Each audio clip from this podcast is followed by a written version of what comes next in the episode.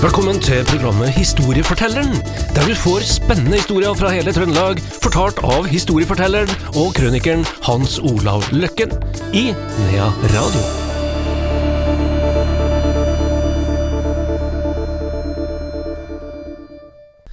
Historiefortelleren her i Nea Radio er tilbake igjen. Det samme er Hans Olav Løkken, vår historieforteller. Velkommen, Hans Olav. Jo, takk. Eh, Det skal handle om fotografi, eller om en fotograf, eller flere fotografer. Ja, det skal jeg gjøre. Vi skal eh, tilbake til noe vi har pratet om en gang tidligere her. Om det berømte kroningsbildet fra 1906, som er eh, et av Norges mest kjente bilder. Er, en, det er ikke mange ukene siden vi jeg drev og laga- noen da, skjønner du, på en sånn, blant noen, noen kompiser. Da. Og eh, da skulle, tok jeg fram noen bilder, og så skulle jeg si de skulle gjette på hva slags bilde det var, og så diskuterte vi hva var Norges mest kjente bilde.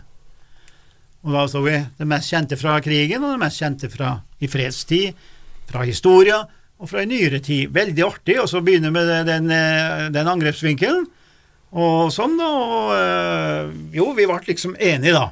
Her. Og også verdens mest kjente krigsbilde og sånn, da. Det her er jo eh, greit, da. Men, men eh, kroningsbildet i 1906 det er absolutt rangert på topp, da. Det er eh, blant de to-tre mest kjente. Eh, og det er jo siste kroninga, da. Det er det ene, og vi fikk jo eh, kongen. Og det hang jo da selvfølgelig på alle offentlige bygg, og, og, og sånn, fram til omtrent 57, da eh, kong Olav overtok som konge. Og Bildet ble jo tatt ned og heng da på utedoen i Selbu og Dovre og overalt, ikke sant? Og det har også sin logiske forklaring.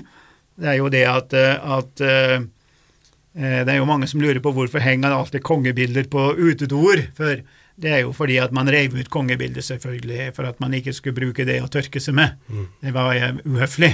Og så hengte man det opp på veggen da, og så var det ofte fine bilder som var i datidens ukeblader da, etter krigen og alt mulig sånn da. Og den som tok det kroningsbildet, det er da en stjørdal fra Re gård. Re gård er jo veldig eh, i skuddet akkurat i disse dager, i forbindelse med nye eiere og sånn da, her, så det kan jo følge med litt i avisene i ukene framover. Så eh, på Re gård så bodde da Peder Claresius Aune. Han var en av de fem store eh, i Stjørdal. Det var fem store gårder som dominerte så fullstendig eh, gjennom noen tiår på Stjørdal at de blanda seg ikke med andre folk, skriver Jon Leirfall. Og, så skriver han også etter komma, og det var sånn det skulle være. Det var liksom akseptert det, at liksom den klanen der De skapte så mye arbeidsplasser at det var ingen som brydde seg om, om, om de gjorde det godt, da. her.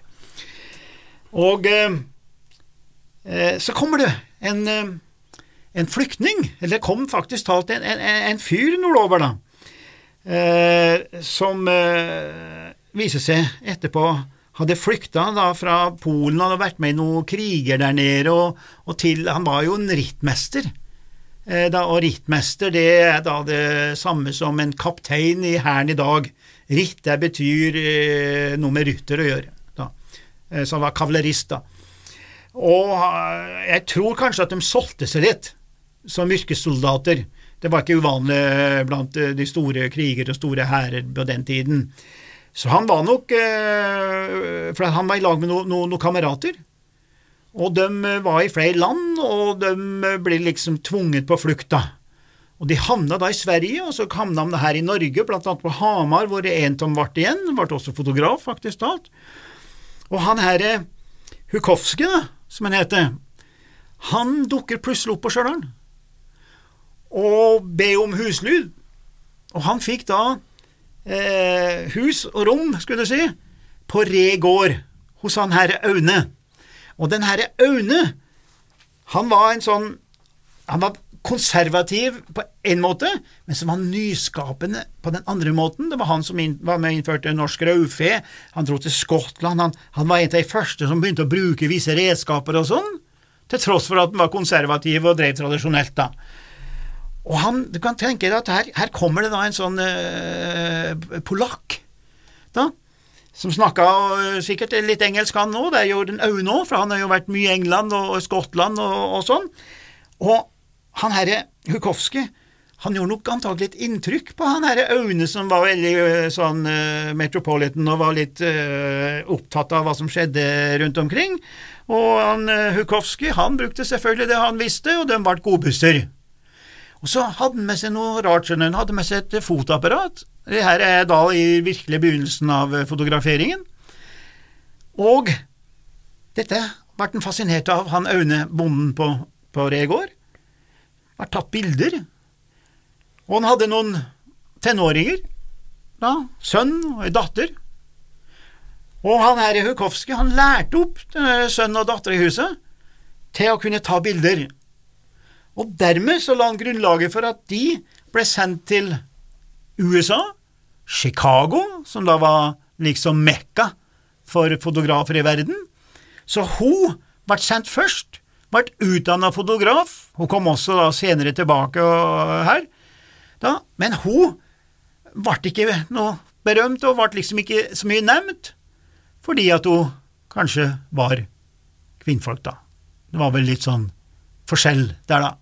Mens han gutten som dro til Chicago, havna i Portland etterpå, begynte et eget studio, atelier. Han eh, eh, gifta seg og dør, og han kommer hjem til Norge da, og begynner forretning både på Stjørdal og i Trondheim by.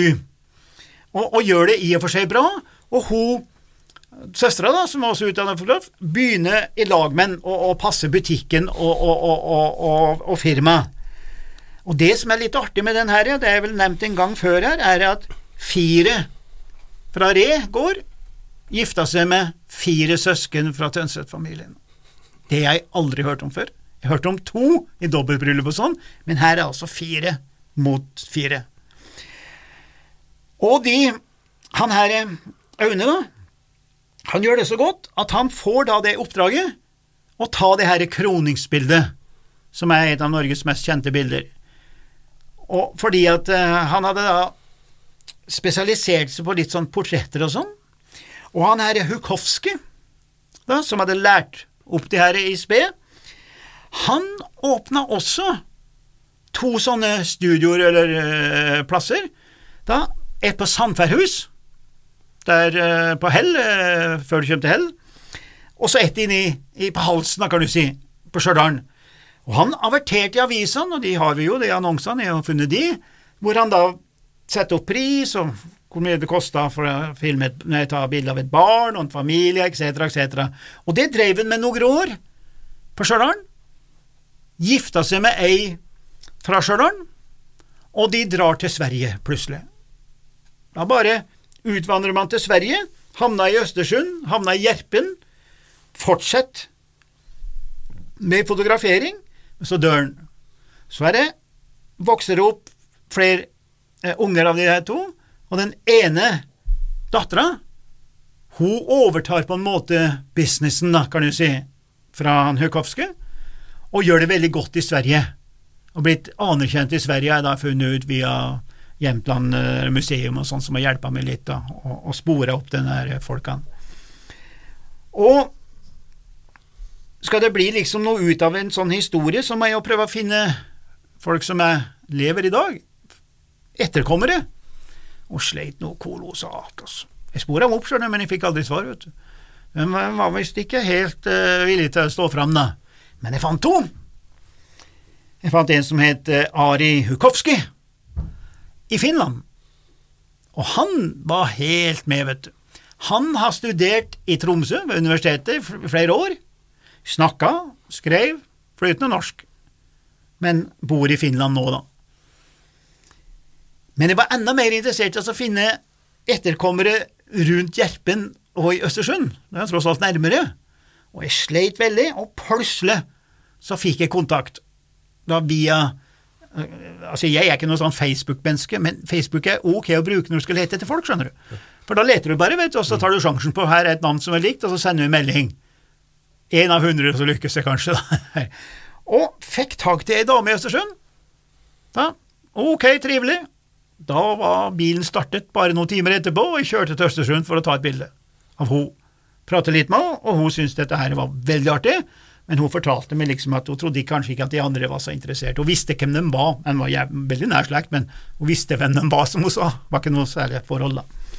Der. Og så spora jeg opp slekt her i Bernesregionen. Folk som jeg kjenner ut og inn i gåsehudene. Som jeg veldig godt kjenner. Og det er klart, når du kjenner dem, så får du litt tyngde på historien. Så jeg skal ha skrevet da et kapittel, og det kommer også i avis og sånn, om fotografen bak fotografen av kroningsbildet, som kunne blitt bare en fire-fem linjer, normalt sett, men der traff jeg da på de rette punkter, og finntak tak i folk, og så sørger jeg for at bildet er med i boka mi, så da får jeg jo solgt en 20 bøker bare for at de er bildet. Det er et kommersielt trikk, det skjønner du, Andreas. Og derfor så sier vi bare om han her Hukowski, som da er fotografen, fotografen, at hvis ikke han er kommet til Stjørdal, den tilfeldigheten, hvis, om, som enn, alt det der, ikke sant, ja, så er det ikke sikkert at vi har hatt et kroningsbilde tatt av en stjørdaling i dag. Men det fikk vi. Det var altså historien om fotografen bak fotografen, fortalt av vår historieforteller Hans Olav Løkken.